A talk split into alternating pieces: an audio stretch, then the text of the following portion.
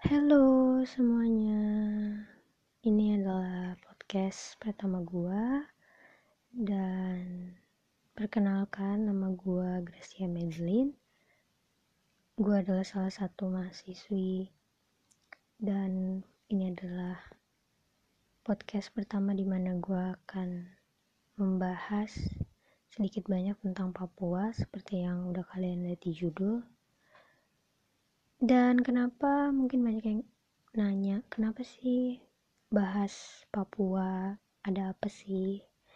Nah, ada dua alasan di mana gue ngangkat judul ini.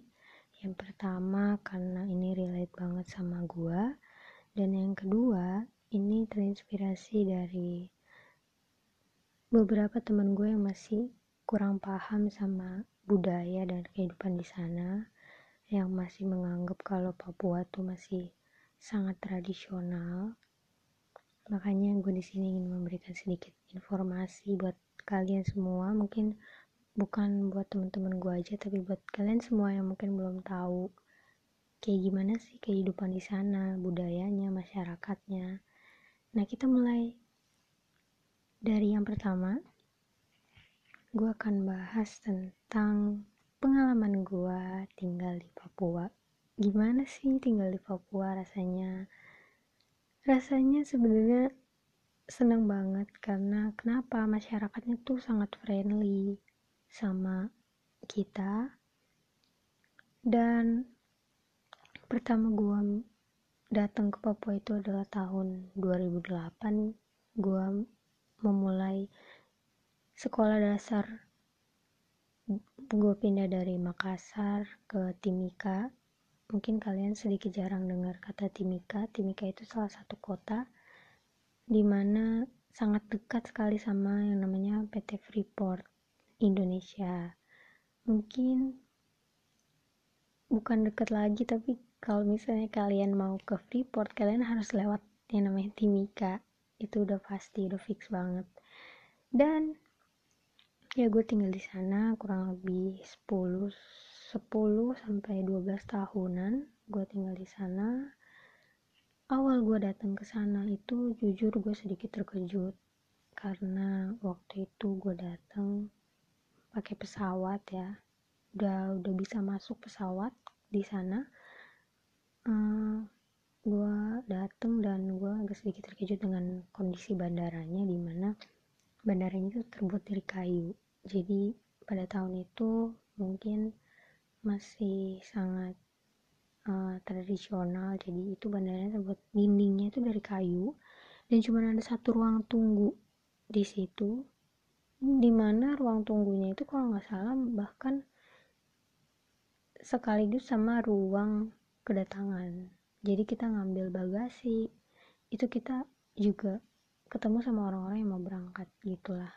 Pokoknya cukup kecil gak gede. Dan akhirnya gue tinggal di sana. Um, kehidupan di sana sederhana sederhana sekali. Maksudnya di sana um, ada sudah ada supermarket sudah ada yang namanya uh, dealer mobil sudah ada yang namanya makanan cepat saji tapi pertama tuh setahu gue tuh KFC KFC di sana itu atas bawahan sama Gelael. Mungkin di sini udah nggak ada Gelael Gelael di bawah KFC-nya di atas. Jadi wah pokoknya dulu tuh kalau udah makan KFC tuh udah berasa paling keren lah.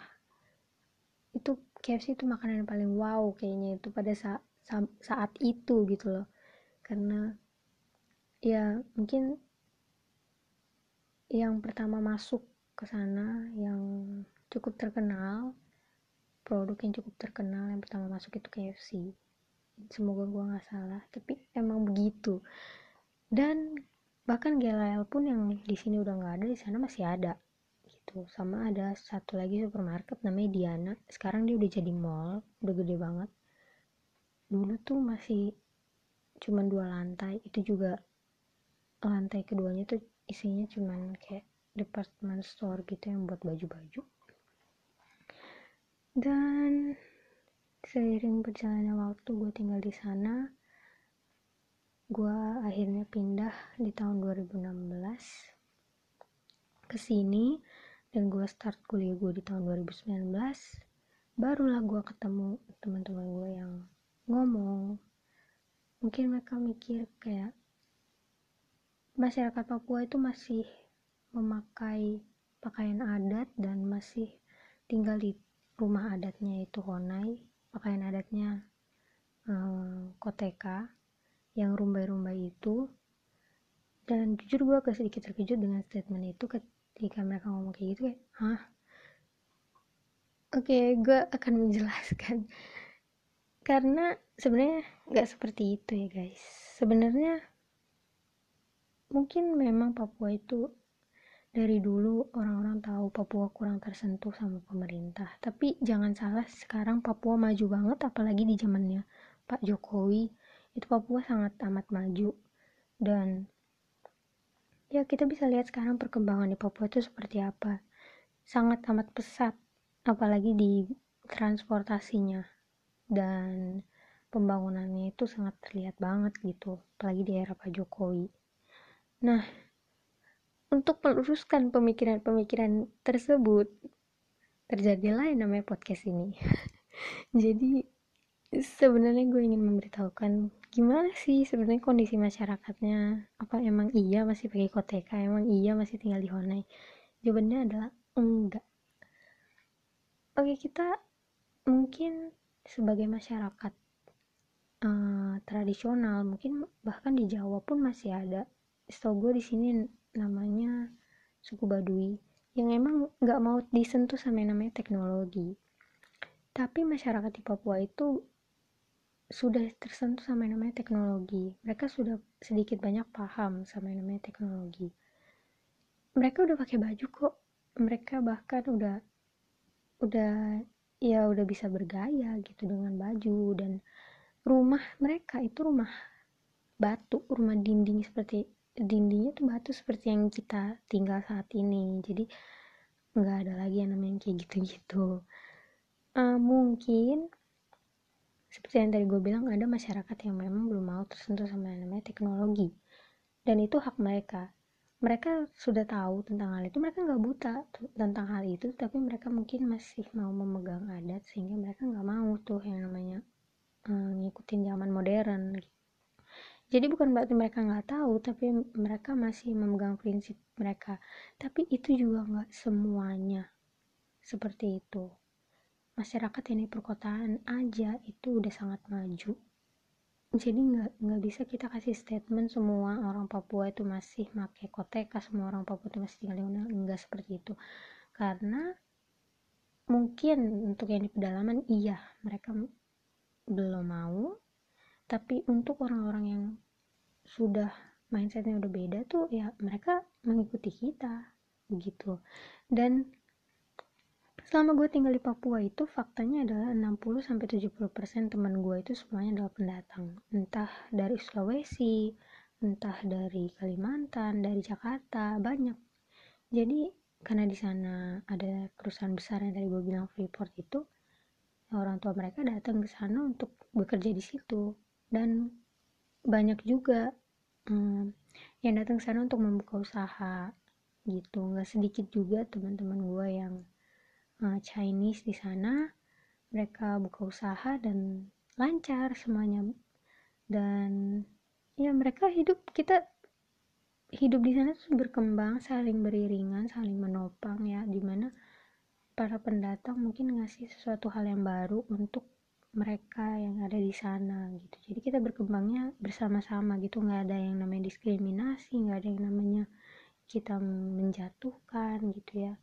Jadi mereka hidup ya hidupnya seperti kita para pendatang. Bukan lagi yang kayak setradisional itu guys. Jadi nggak bisa kita asumsikan sesimpel itu. Nah di sana juga udah banyak banget teknologinya. Mungkin kan kita tahu ya orang-orang di sana tuh ke mana-mana jalan kaki ke mana-mana naik gunung aja jalan kaki 2 kilo 3 kilo. Nah udah udah nggak seperti itu lagi guys. Di sana udah ada transportasi yang namanya ojek tuh udah ada yang namanya taksi tuh udah ada dan nggak bisa bisa meratakan gitu loh semuanya. Sekali jalan kaki semua soalnya jalan kaki semua. Gue nggak mungkin dong. Gimana sih ya kita nggak mungkin hidup di perkotaan tinggal jalan kaki gitu kan nggak mungkin juga. Pasti udah ada kan tadi gue udah bilang udah ada dealer mobil dealer motor kayak Toyota Honda itu semua udah ada di sana. Dan kalau mau bahas teknologi ya teknologinya Freeport juga. Kan kita tahu Freeport kerja sama sama Amerika. Hmm, banyak sekali teknologi yang masuk gitu ke sana dan itu wow banget. Di mana harus harus ngegali sebuah uh, tambang emas yang paling gede di Indonesia mungkin bahkan di dunia harus digali. Dan itu kan butuh pasti teknologi yang sangat besar untuk bisa ngelakuin itu dan itu cuma ada di sana. Truk yang giant truk itu yang gede-gede bannya bisa setinggi rumah itu ada ada di sana. Dan ya nggak nggak banyak yang tahu soal itu gitu loh. Di sana sejauh ini semakin maju dan gue udah kurang lebih lima atau empat tahun di sini. Ini jalan tahun kelima. Dan gue lihat perkembangan di sana lewat uh, teman-teman gue di sana tuh udah sangat maju banget udah mall-mall gede itu udah ada. Memang di tahun 2008 gue datang tuh semua belum ada. Tapi di, di sana sekarang mall-mall gede udah ada. Bahkan restoran-restoran fast food yang lain pun udah mulai masuk ke sana. Misalnya Awe, Jeko, lalu banyak. Bahkan minuman-minuman juga kayak dum-dum, gulu-gulu itu sebenarnya udah ada di sana. Janji jiwa. Dan bersyukur banget ketika gue lihat itu karena uh, senang turut senang Papua sudah semakin maju gitu. Jadi intinya yang gue pengen sampaikan adalah jangan memandang sebelah mata guys.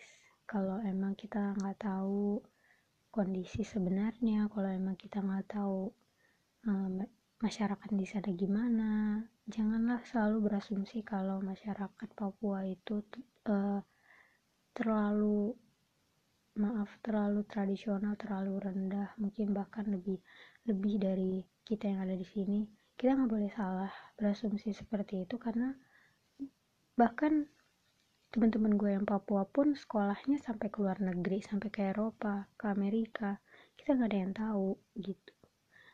Jadi intinya dari podcast ini hari ini gue pengen nyampein jangan melihat dengan sebelah mata saja apalagi kalau misalnya kalian nggak tahu fakta yang sebenarnya. Ya gitu yang bisa gue sampaikan mungkin kalau ada waktu lagi kita bakal bahas lebih dalam lagi soal Papua. Dan sampai di sini aja podcast gue sampai ketemu di podcast selanjutnya. Dadah